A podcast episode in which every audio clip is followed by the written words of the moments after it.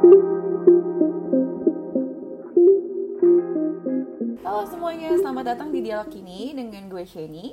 Dan gue Dila. Hari ini kita akan ngobrolin soal toxic positivity. Ya, betul banget. Dan topik ini tuh lagi marak-maraknya banget ya diobrolin di social media juga nih, Shen. Iya, selalu sih sebenarnya. There's always something about toxic positivity that just triggers people. Oke, kalau gitu gue mau nanya dulu deh, Dil, sebelum kita dive into the topic. Kamu, eh, pengalaman kamu dengan toxic positivity kayak gimana tuh dalam hidup kamu? Ada nggak yang, apa ya, mencuat? Mungkin kita mulai dulu kali ya, Shen, dari yang bukan ranah pekerjaan. Kalau misalnya sehari-hari sih, kalau di pertemanan, itu pasti aja ada, kalau kita ada masalah, pasti teman kita selalu bilang kayak gini, udah lo sabar aja, lo tenang aja, ini semua tuh pasti berlalu kok, ini tuh cuma cobaan yang ngebuat lo tuh kuat. Hmm. gitu. Itu banyak banget kayak gitu. Dan uh, to be honest it doesn't make me feel better. No. it makes me questioning my myself gitu. Kayak ini gue yang negatif banget? Apa gimana Iya. sih? Kayak am I allowed to be sad? Gitu. Nah kalau untuk di ranah pekerjaan sendiri sebenarnya juga banyak loh. Misalnya kayak uh, kita ini kan kalau di media biasanya kerjanya kan 24/7 ya. Especially kalau misalnya kita dealing with the digital media gitu. Dan uh, kalau misalnya curhat sama bos kita gitu kayak kok kayaknya weekend tuh berat banget ya Uh, let's say aku bilang sama bos aku gitu weekend berat banget ya mas. Soalnya kan uh, aku pengen ada me time pengen liburan sama keluarga juga tapi nggak bisa gitu.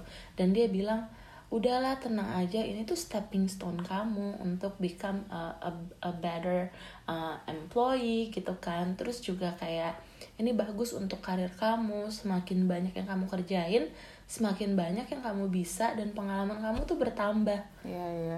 tapi menurut gue uh, that kind of thing doesn't actually give me a quality time for myself gitu loh itu nggak memberikan hak gue untuk bisa liburan dan gue harus kerja terus dengan iming-iming kayak oke gue akan bisa semuanya nih Iya, iya. gue akan jadi employee yang the best but it's not bikin apa ya Gitu. bikin lo jadi kayak oh oh I should I should be able to accept this gitu. Tapi sebenarnya itu uh, kalau misalnya lo sampai harus kerja di weekend itu harusnya lo mempertanyakan your work environment juga kan? Dan juga kayak who, who are you working Iya. for? Dan apakah mereka sebenarnya Iya. care sama employees-nya? Tapi kita malah dibikin mikir oh uh, no this is part of your journey. Kayak lo mesti ngelakuin semua ini. Dan maksudnya bukannya kita tidak uh, sudi untuk go through the hardships. That's not it at all.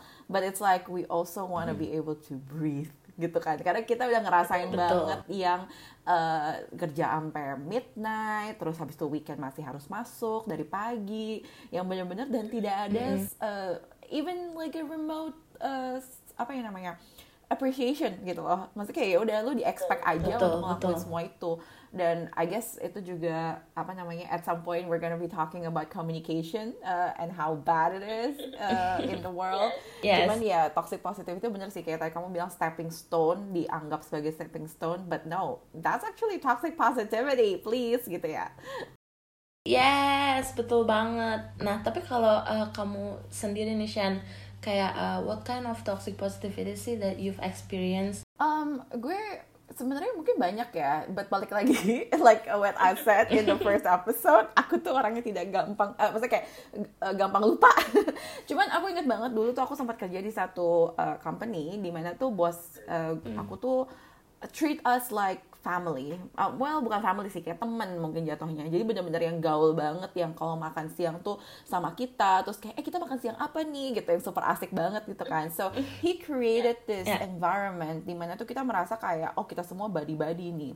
Um, itu pertama kalinya aku mungkin bener-bener ketemu orang yang straightforwardly do this. Yang lain tuh masih kayak jarang-jarang gitu loh. Ya, mungkin sekali-sekali just to apa ya um, untuk mingle sama anak buahnya. Tapi kalau dia tuh bener-bener yang kayak he did it from the first day that I uh, started working here. Um, terus uh, yang aku ingat adalah salah satu example-nya dia suka beliin kita Starbucks gitu.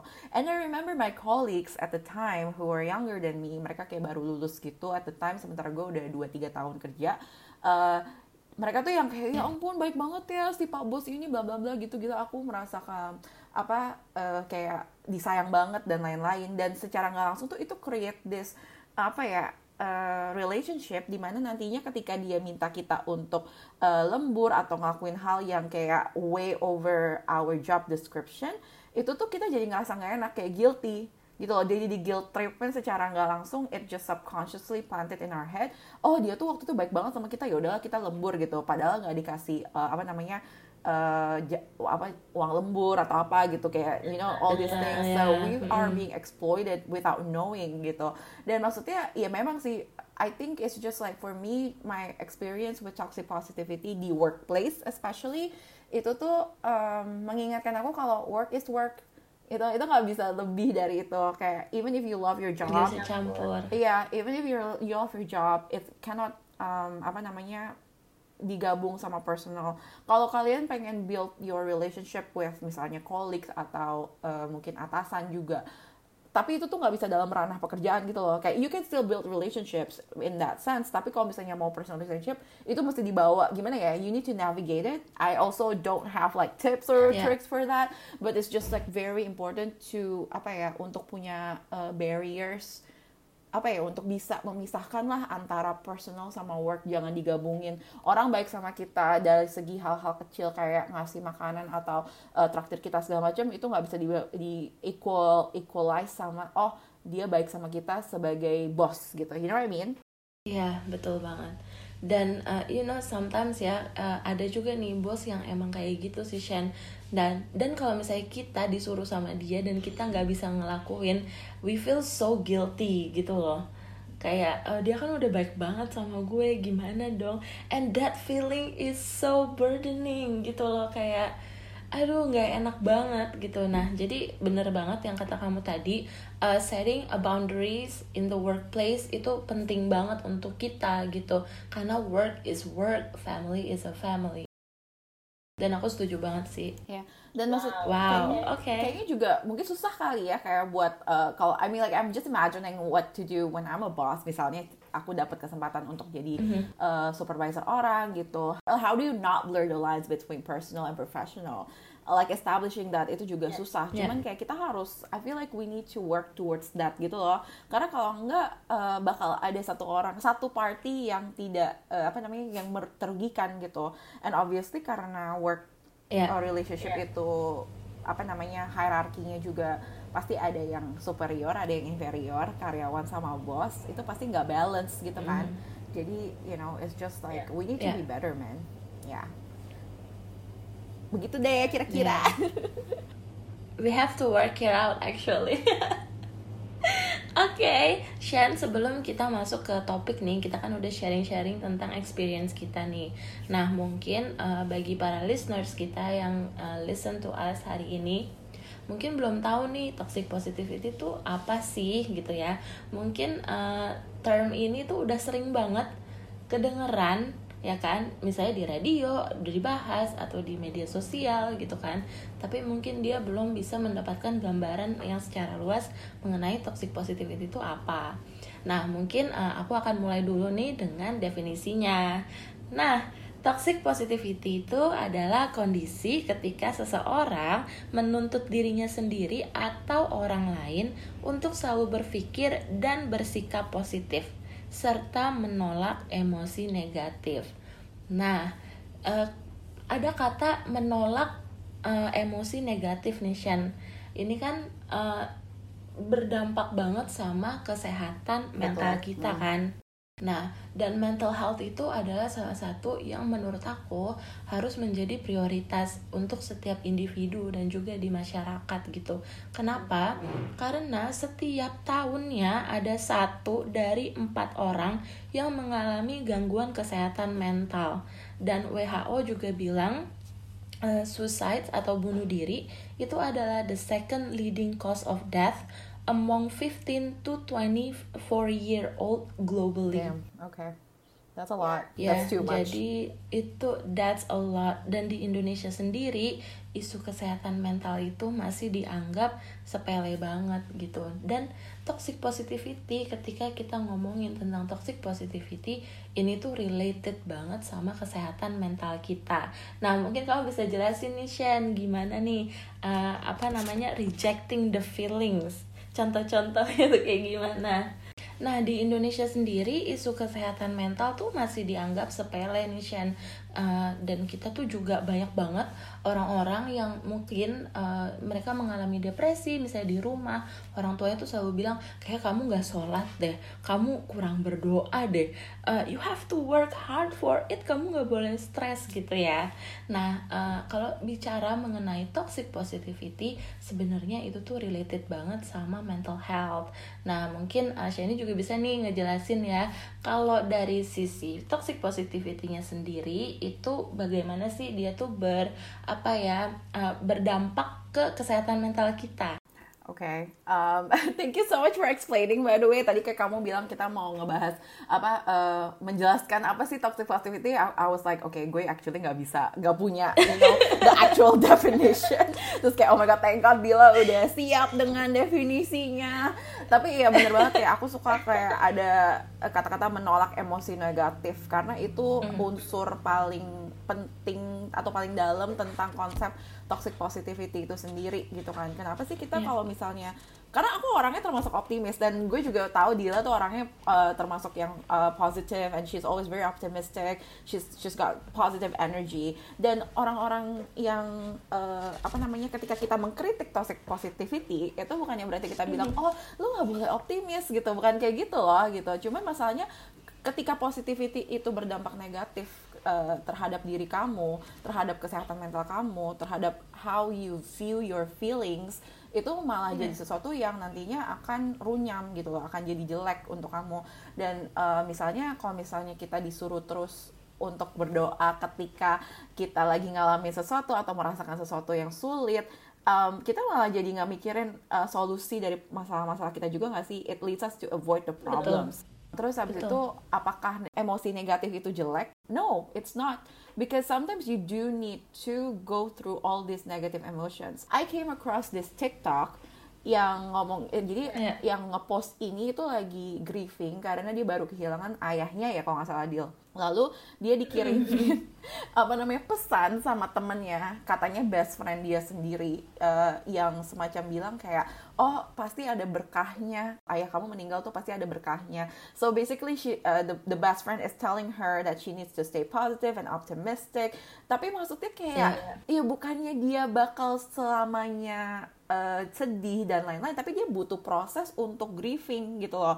And grieving is one of the uh, like mungkin paling uh, emosi paling negatif yang ada di dunia ini gitu kan. Cuma bukannya berarti kayak oh dengan lo bilang oh tenang aja itu semua ada hikmahnya kok dan segala macem kayak dude let me go through this process first baru nanti kita ngomongin soal hikmahnya deh gitu. Karena meskipun ada hikmahnya sekalipun it doesn't lessen the fact that it's it sucks to lose someone you love. Yes. gitu loh. Dan ini mm -hmm. sesuatu apa namanya um, menurut aku example yang sangat ekstrim gitu. It's a very big example. Tapi banyak banget perintilan-perintilan kecil yang mungkin kayak oh you're just having a bad day. Orang malah bilang ih kok lu have bad day sih? It's such a beautiful day outside. I mean like yeah it's beautiful but maybe ask me first kenapa gue have a bad day? Iya gak sih? Kayak mungkin ada yeah. kejadian yeah. semalam yeah. atau apa gitu. Don't just dismiss the bad day right away um, karena maksudnya pasti ada alasannya dan itulah kenapa aku juga merasa it's very important to surround yourselves with people yang juga bisa punya space gitu untuk hold your emotions. Karena kita juga yeah. jadi manusia kan dari hari ke hari nggak mungkin selalu happy kan.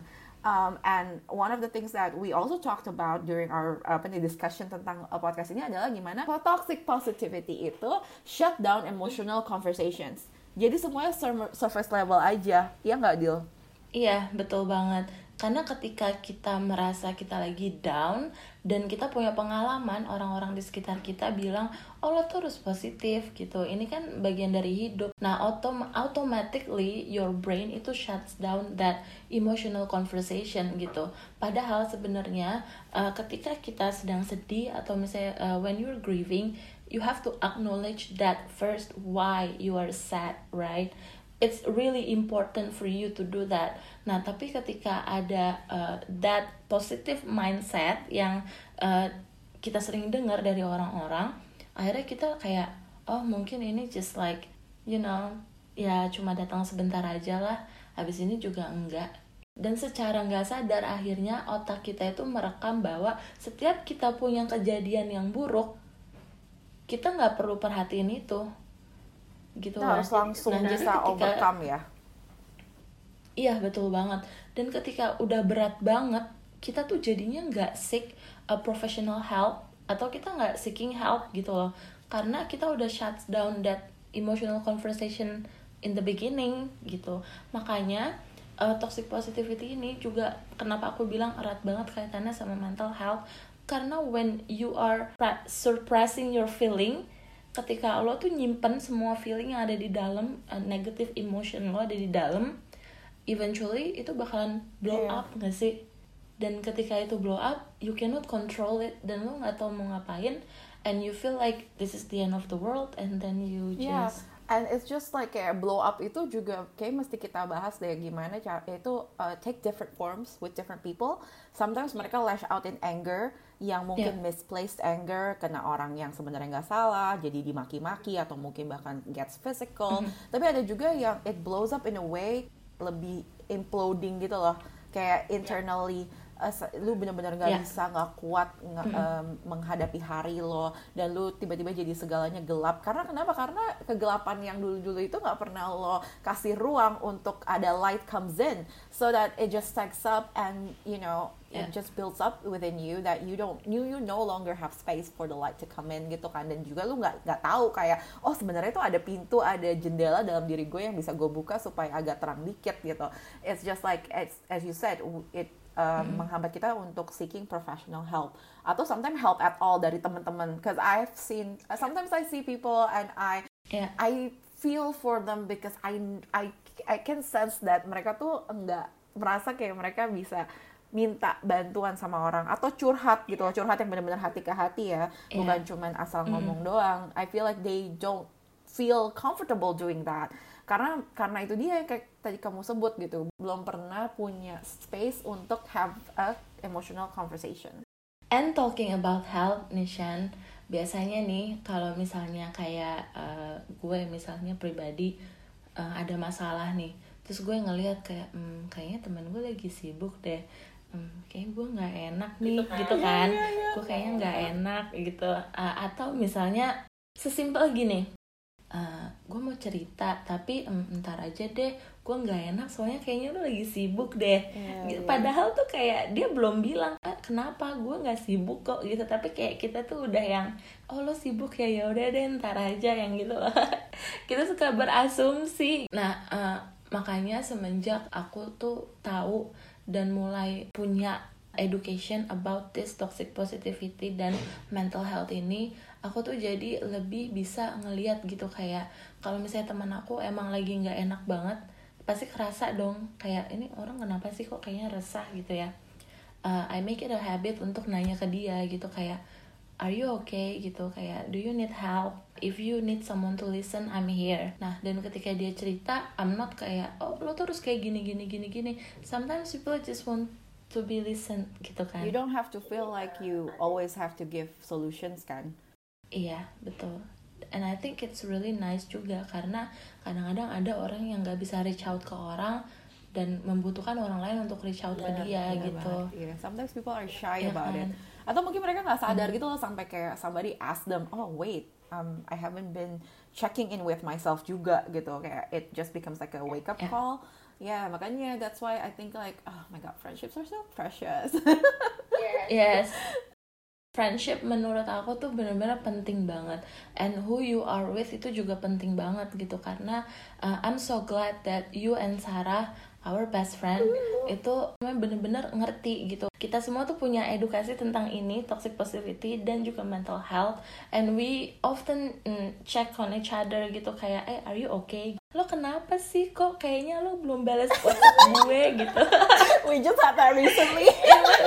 Iya yeah, it might be a little bit kayak ih kok kayaknya gue posesif banget ya gitu. Tapi it's our way to make sure that is she okay gitu if she needs help we're here Iya, yeah, yeah, itu juga kayak a form of our love language, especially karena kita kan nggak ketemu tiap hari dan kita juga kita chatting regularly sih, cuman obviously kita nggak, um, you know, we don't do it like every second of every day. Jadi pasti ada lah sesuatu yang kita miss gitu kan. So we just wanna make sure, hey, kalau misalnya ternyata lo butuh, uh, we're here gitu kan.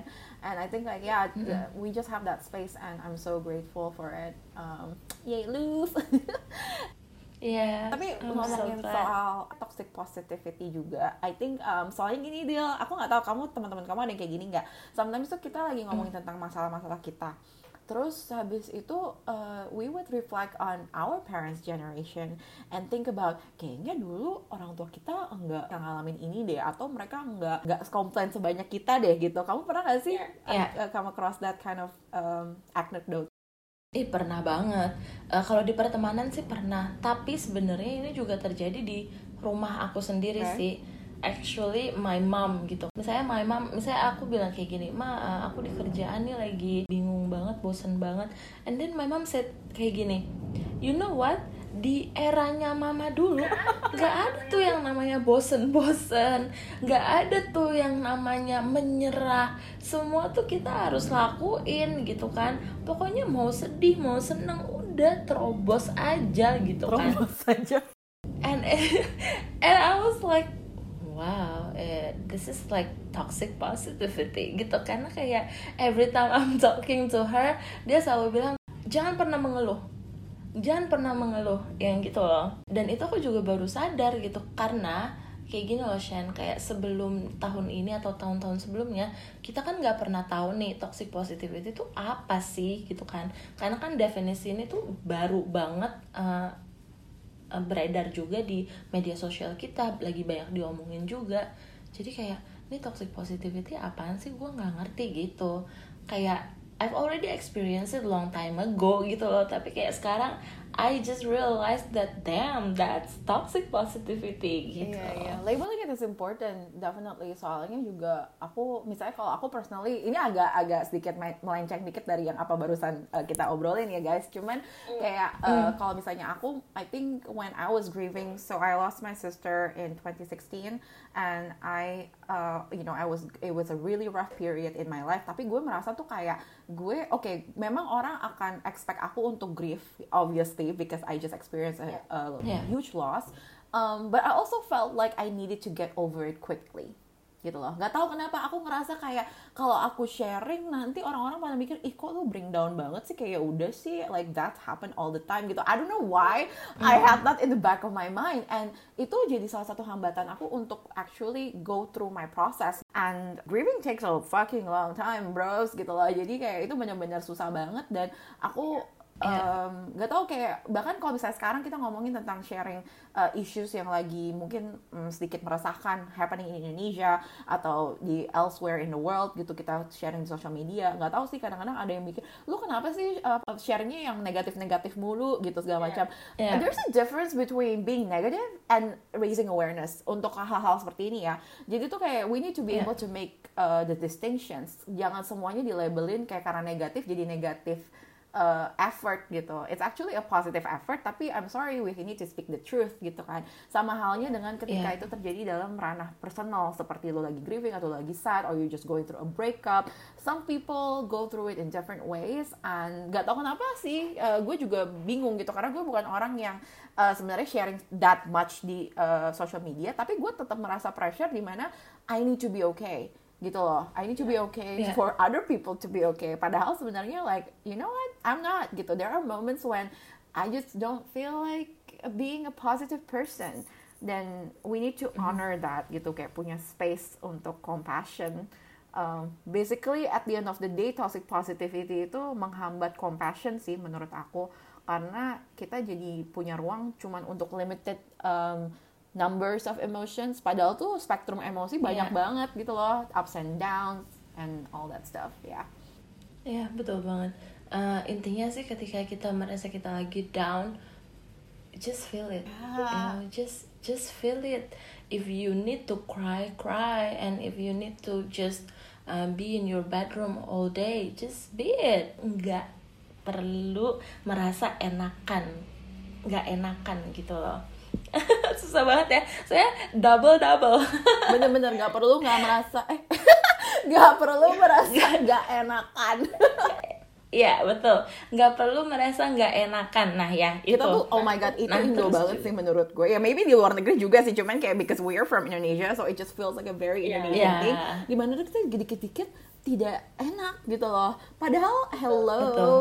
Ini tentang diri kita itu tentang our own well-being sebenarnya kenapa kita nggak enak tentang our own well-being isn't that weird Iya, iya. mm-mm. Aku juga ngerasa ya, Shan, kayaknya dari kecil uh, orang tua kita juga itu sering banget bilang kayak gini. Pokoknya kamu kalau main sama temen, uh, kamu harus yang sopan ya. Kamu nggak boleh uh, apa teriak-teriak di sama teman kamu ya. Kamu nggak boleh ini ke teman kamu ya gitu. Tapi orang tua kita nggak pernah bilang gini. Kalau kamu merasa kamu disakitin sama orang, kamu harus gini. Atau kalau kamu eh, merasa kamu nggak enak sama teman kamu mainnya atau mungkin dia omongannya jahat iya bener kamu langsung dia pulang aja kayak- gitu. Tapi dia pasti selalu kayak behave ya di depan teman kamu. Our gitu loh. Jadi kayak uh, our our our whole life itu nggak tahu kenapa ya kalau di Indonesia sendiri kita tuh lebih mentingin uh, what people think about us gitu loh. Kayak uh, kalau gue kayak gini di luar gue kayak gimana ya? Ntar orang ngeliat gue kayak gimana ya? Iya. terus kayak kalau kalau misalnya gue ngelakuin kayak gini di tempat kerja gue bakal dilihatnya kayak gimana ya? Gue akan jadi orang seperti apa ya? Gitu loh. Bener sih. Oh my god. jadi kita nggak bener-bener kita tuh nggak pernah punya ruang untuk bisa ngomong sama diri kita sendiri gitu kayak are you okay kayak do you feel comfortable Iya benar, kita nggak di race untuk mikir bahwa this is not a one way street, it's a two way street Yeah. gitu loh. Kita juga mesti Yeah. we need to think about how we treat other people, tapi kita juga harus mengevaluasi gimana other people treat us. And you're so right, I never thought about how this is something yang udah diajarkan ke kita secara mungkin subconsciously maybe our parents didn't want like nggak did intend to for it to be this way. Tapi itu dari kecil iya bener banget. Maksudnya kayak iya kamu harus pakai misalnya baju gitu kayak kamu harus rapi-rapi dan segala macam. Tapi maksudnya they never talk about uh, kalau misalnya orang itu make us feel bad atau ya all the stuff that you mentioned. Holy shit ya Well, itu jadi Yeah. bikin gue mikir oke if Yeah. I'm gonna if I, if I'm gonna have a kid then that needs to be something on the like life lessons. Yes that's actually kayak become one of my um, list juga sih Uh, if I have kids I want to teach them that appreciate yourself first loving yourself first is important gitu loh baru nanti pindah ke orang lain karena kalau di pesawat aja kita mesti nolong diri kita sendiri sebelum kita nolong orang lain Oh my gosh, what a metaphor! Yes.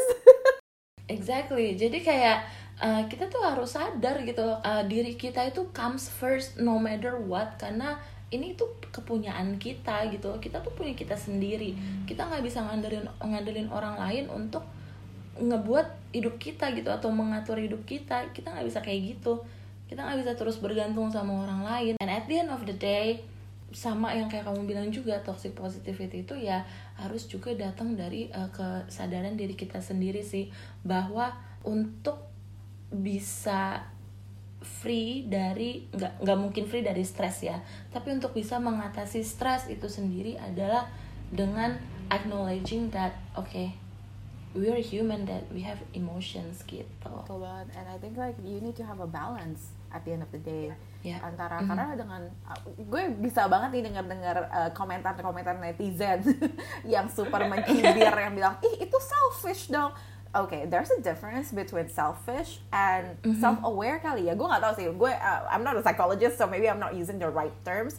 Tapi untuk Yeah. uh, melakukan apa yang kamu baru sebut itu, which is I think uh, involves self awareness and also self appreciation dan segala macam, itu tuh uh, tidak bisa disamakan dengan selfishness. Karena at the end of the day, you need to be you apa ya kayak uh, kalau kamu mau berguna untuk orang lain, kamu sendiri juga harus bisa punya apa ya um, kapasitas untuk hold yourself. Kalau misalnya kamu breakdown all the time, uh, gimana kamu mau berguna untuk orang lain juga gitu kayak I think your apa seat belt pesawat uh, metaphor is the best thing sih. Maksudnya itu benar-benar applicable banget in the situation and in all kinds of situation and I think I don't know I hope that um, dengan adanya conversation seperti ini di Indonesia juga kita mungkin lebih sadar bahwa ketika you work on yourself ketika you work on to dismantle toxic positivity atau you know addressing um, how people mungkin tidak anggap serius your mental health issues itu kita bisa moving towards a place gimana kita juga apresiasi diri kita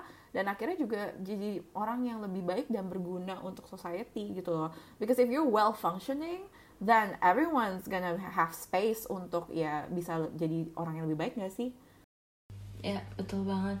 Dan uh, balik lagi ya ketika kita ngomongin orang tua kita, I also understand why they did that gitu karena kan kayak yang tadi aku bilang terms dari toxic positivity ini kan juga baru banget akhir-akhir ini dibahas lah di media sosial atau mungkin di uh, platform berita gitu di pertemanan kita juga lagi dibahas gitu. Tapi kan mungkin waktu zaman orang tua kita dulu there are toxic positivity gitu. Tapi mungkin mereka nggak acknowledge that.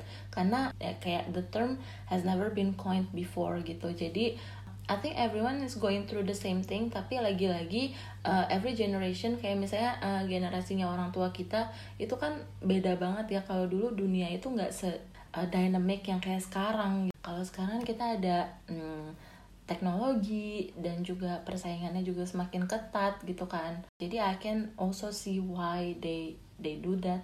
Dan mungkin sebenarnya di balik itu dia pengen ngebuat kita orang yang tough kali ya. Ayo dong lo tuh semangat gitu jangan pernah mengeluh gitu. Eh, actually mereka menyadari kalau di ya emang butuh gitu untuk kita semangat dan untuk bisa sukses gitu kan. Kerja keras tapi at the same time uh, mereka juga nggak engeh gitu dari sisi mental healthnya gitu. Selalu ada dua sisi kan di setiap koin gitu dan mereka mungkin uh, terlalu fokus ke satu sisi, jadi yang sisi lainnya terbengkalai. Uh, cuman juga balik lagi kalau misalnya kita ngomongin tentang lingkungan kerja, um, mungkin zaman dulu nggak sekompetitif sekarang. There's all, there's yeah. way I don't know I don't know how to like say this in terms of lapangan kerja, tapi juga kita harus mesti ngomongin kayak kamu bilang tadi teknologi gitu. Um, I think toxic positivity juga jadi sesuatu yang uh, lebih rampant these days because we're kita uh, mengakses social media every day di mana orang-orang tuh yeah. cuman yeah. kasih yang bagus-bagus aja So there's like this pressure di mana kayak lu mesti uh, bisa accomplish ini, accomplish itu dan gimana lu bisa mengaccomplish semua itu adalah dengan positif kan kayak positive minded. Tapi positive minded itu ya memang bagus untuk memacu, tapi at the same time jangan sampai itu mengignore the fact that you are not always gonna be positive gitu kan. Ada sisi-sisi mm-hmm. lain yang mesti lo address and all that stuff. I think um, we live in a vastly different environment compared to our parents. Dan bukannya mereka lebih kuat atau mereka less complain tapi mungkin they didn't have the avenues dulu untuk mengadres itu. I don't know about you, but like personally, me and my mom, kita uh, sering ngomongin tentang our emotional states gitu. Kayak aku, aku juga kadang-kadang mm. bilang, ya maksudnya mungkin mama dulu orangnya nggak pernah uh, men menyuarakan perasaan mama gitu. Jadi semuanya terpendam, jadi kesel dan lain-lain. Nah sekarang kan ada aku gitu kan. Jadi uh, curhat aja ke aku gitu kayak just let me know how you feel dan dan uh, sempet tuh kayak recently I was so happy she just randomly rants gitu loh randomly rants itu bener-bener yang kayak mama kesel nih bete gitu kan. She never usually does that. She kalau misalnya bete ya gue tahu karena uh, auranya bete nih oh, yeah. cuma dia nggak ngomong gitu loh and then when she did I was like oh okay this is new gitu and, and to be honest with you pas aku di uh, gituin aku juga kaget gitu kan karena this never happens before mm. so I was like learning how to um, adapt to the new situation but I'm really glad that she was able to do that because I know my mom never had a space to kayak curhat dan lain-lain dia mungkin punya teman tapi yeah. dia juga orangnya tuh yang kayak lebih di lebih jatuhnya ke diem gitu loh kalau misalnya sama teman-temannya. And I just want her to have that space di mana aku punya dengan teman-teman aku. And sometimes even with her gitu. Karena kalau aku curhat dia bilang kayak ngapain sih lu curhat itu? gitu kan. And I'm like um yeah. because yeah. this is how I feel. Jadi kayak we're learning you know to have uh, to bridge the generational gap I guess a little bit in my household. Um, it's been interesting sih wow. Ya my mom juga suka kayak gitu sih. Kayak mau mau curhat tentang si ini misalnya kayak I'm so happy uh, at the same time kayak uh, nyokap gue kadang suka uh, curhat kayak gitu. Tapi kalau misalnya gue ma aku mau curhat deh kayak gini gini uh, belum sampai dua menit atau tiga menit pasti dia bilang gini itu harus banyak-banyak doa tuh kamu kayak gitu kan. Nah terus sebelum kita bikin podcast ini aku tuh ada uh, satu conversation gitu over uh, the dining table sama my mom uh, aku bilang gini do you know toxic positivity? Okay and my mom was like what is it? What is that toxic positivity? I don't know. I've never heard about it. Terus uh, ya udah aku bilang uh, toxic positivity itu tuh kayak gini gini gini gini. Mama tuh sadar gak sih kayak you've been doing this? Terus kayak enggak. Ya maybe it's time to think about it. Hmm. you know? You know? Kalau kalau gue tuh orangnya kayak gitu. Jadi misalnya kayak nyokap gue nih uh, punya pikiran kayak gimana gitu. Nah nanti uh, gue tuh kasih tahu gitu kayak mom do you know uh, this term? Kayak do you know uh, ada pembahasan ini? Enggak nggak tahu. Coba deh dibaca. Ini aku kirimin ya artikelnya gitu. Nah uh, kalau kan setiap orang tua itu kan pasti pendekatannya beda-beda ya. Nah kalau my mom tuh harus kayak gitu gitu kayak coba deh baca ini dulu uh, coba deh uh, lihat video ini dulu Iya, gitu. And uh, I also told my mom tau gak sih mom kayak uh, toxic positivity itu bisa leading to uh, suicide juga gitu. Dan dia kayak ah masa sih? Iya serius gitu. I think uh, kita tuh harus sering-sering berkomunikasi juga sih sama orang-orang di sekitar kita gitu. Karena kita juga nggak bisa expect orang untuk ngerti gitu loh tentang kayak uh, toxic positivity misalnya atau misalnya kayak talking about mental health. Kita juga harus communicate it ke orang lain gitu for them to actually understand this. Iya benar sih. Um, kesabaran itu benar-benar apa ya butuh banget di situasi-situasi kayak gini karena you, Iya. may, Iya. you may need to educate some people. Mereka mungkin sebenarnya maksudnya nggak jelek tapi mereka nggak tahu aja. Jadi you need to have that space for them. Itu itu susah sih jujur aja karena aku orangnya kadang-kadang nggak sabaran. Kayak you were Yeah. just like telling me how you spoke to your mom and I'm like, ooh, I need to be a little bit more patient with my mom karena sometimes I'm so frustrated. I'm like, gini gitu loh kayak I just expect her to already know because it seems so common sense for me uh, sebagai orang yang udah sering baca soal hal ini tapi and then I need to take a second oh yeah you know what other people nggak baca tentang hal ini sebanyak gue gitu kan Iya. not saying that we know more but like yeah maksudnya sometimes we need to share the knowledge still atau mungkin pemahaman kita juga tidak sama ya nggak sih kayak untuk Iya. get on the same page Iya. which honestly kayak makes me more even more grateful that we are on the same page you know what I mean Iya, iya. Iya, banget banget banget. Karena itu juga penting banget sih dan nggak apa-apa juga kalau misalnya kita punya point of view yang berbeda, justru itu create a conversation gitu loh. Justru akan banyak ilmu yang bertambah juga. Karena lagi-lagi ya setiap orang tuh pasti beda-beda. Uh, how they approach things itu juga pasti beda kan. Tapi it will be better nggak sih kalau misalnya kita communicate with each other gitu loh. I think it's I think it's good gitu loh karena komunikasi juga bagus banget untuk mental health kita gitu. ketika kamu dismantling toxic positivity kamu juga membuka ruang untuk komunikasi sih. Ya betul banget.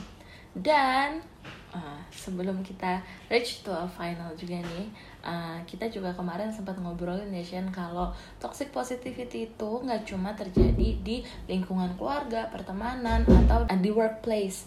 Tapi kita juga ngelakuinnya ke diri kita sendiri Shen Okay, can you elaborate a little more? Nah. Because I kind of forgot about that.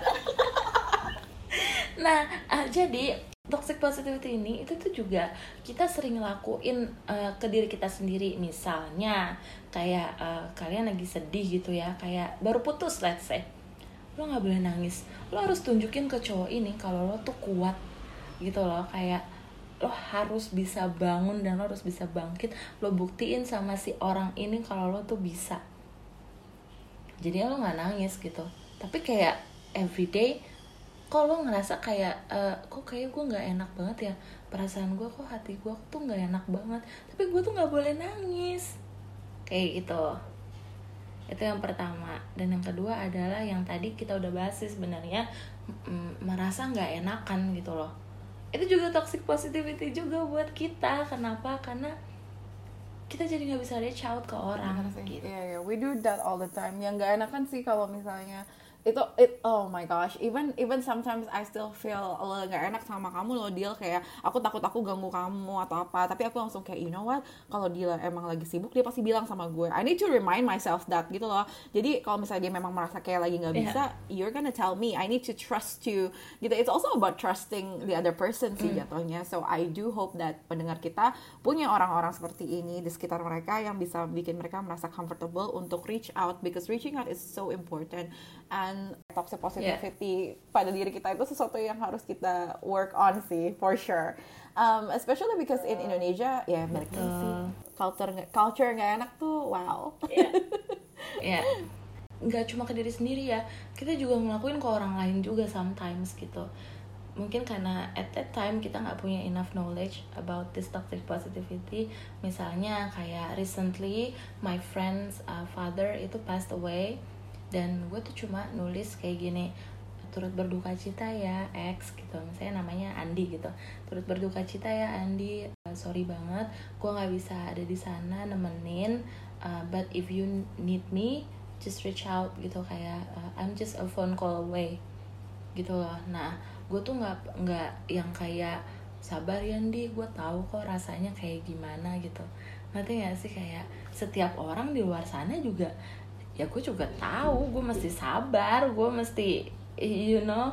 Tapi kan kita bisa cari cara gimana sih caranya untuk kayak udah deh nggak usah uh, let let him grieve gitu. Let temen gue untuk grieve.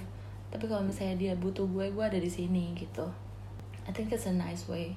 No, I agree. Itu benar-benar menenangkan banget sih. Karena ketika lo disuruh misalnya stay strong, I have stopped saying uh, stay strong to people who just lost somebody. Personally, um, mungkin itu still works for some people, tapi I just don't think it does. Yeah. Um, karena kayak ya of course gue harus kuat tapi I'm not at this moment gitu loh. Jadi gue nggak mau lo karena gue waktu itu gue sempat bilang kayak you need to be strong for my for your parents or stuff like that gitu kan kayak. Tapi gue kayak jadi jadi gara-gara gue disuruh stay strong gue internalize it itu jadi gue uh, stay strong mulu nggak punya space untuk grieving gitu kan.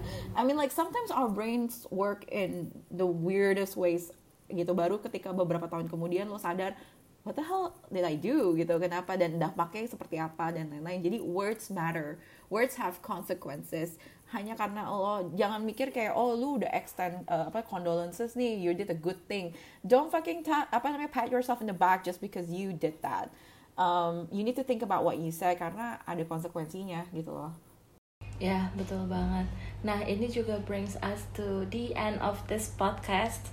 Shan, kita udah uh, cover pretty much everything, but uh, we hope that after listening to this podcast, you guys can actually reflect ya, terus juga uh, introspeksi juga, dan paling penting adalah kalau gue uh, untuk uh, mengenali my negative emotions, I have a journal. Jadi sebelum tidur I write down hari ini gue ngerasanya apa sih gitu this is like my emotion journal gitu. Iya iya. Aku tulis kenapa sih hari ini aku merasa nggak enak gitu? Kenapa sih hari ini aku merasa sedih? gitu. Ditulis aja sih dan menurut aku it's good juga untuk kita bisa apa ya kita bisa menyadari atau kita bisa acknowledge that gitu. Sehingga kita bisa work on that. Yeah, very true. Checking in with yourself is important. Uh, checking with with your friends, also checking with yourself. Karena uh, you Yeah, never know yes. kan kayak kadang-kadang kita lagi sibuk banget atau lagi banyak kerjaan kita jadi lupa gitu. Oh, itu kenapa ya gue hari ini kok uh, emosian? Kok hari ini gue kayaknya lebih baper dari sebelumnya gitu kan? Sometimes it could be hormones, but sometimes it's something deeper that we haven't acknowledged. Dan ketika ya bener sih kalau punya jurnal kayak gitu mungkin bisa sangat membantu. I mean, obviously it works differently for other um, kayak misalnya mungkin ada yang lebih suka uh, curhat sama orang baru mereka kayak ini just have the space uh, how how does it work for you? It, is it a journal? Is it maybe painting atau apa gitu? Atau mungkin uh, nge-tweet gitu kan bisa aja. Some people treat their Twitter Yeah. timeline as a journal. Itu juga bisa gitu. So find a way that works for you I think. Nah ya betul juga tuh Shan. Nah dan kita juga mau kasih tahu nih ke listeners kita kalau kita tuh ada toxic series. Yes. Karena sebenarnya di episode ini itu episode pertama kita dari series kita ya. betul Kita ada tiga series. Ada apa aja nih Shan? Oke, ada toxic masculinity, which is gonna be this episode setelah ini. Lalu kita juga akan ngomong tentang toxic relationships uh, dan relationship Yes. ini akan uh, mencakup friendship, lovers, and family. Karena kita menyadar Iya. banget Iya, kalau betul. toxic itu sesuatu kata-kata yang lagi sering lagi hot banget ya dipakai gitu kan. Everybody's talking, Iya. iya Iya. toxic lu toxic segala macam. Tapi lu beneran tahu nggak sih toxic itu apa? And how does it look like?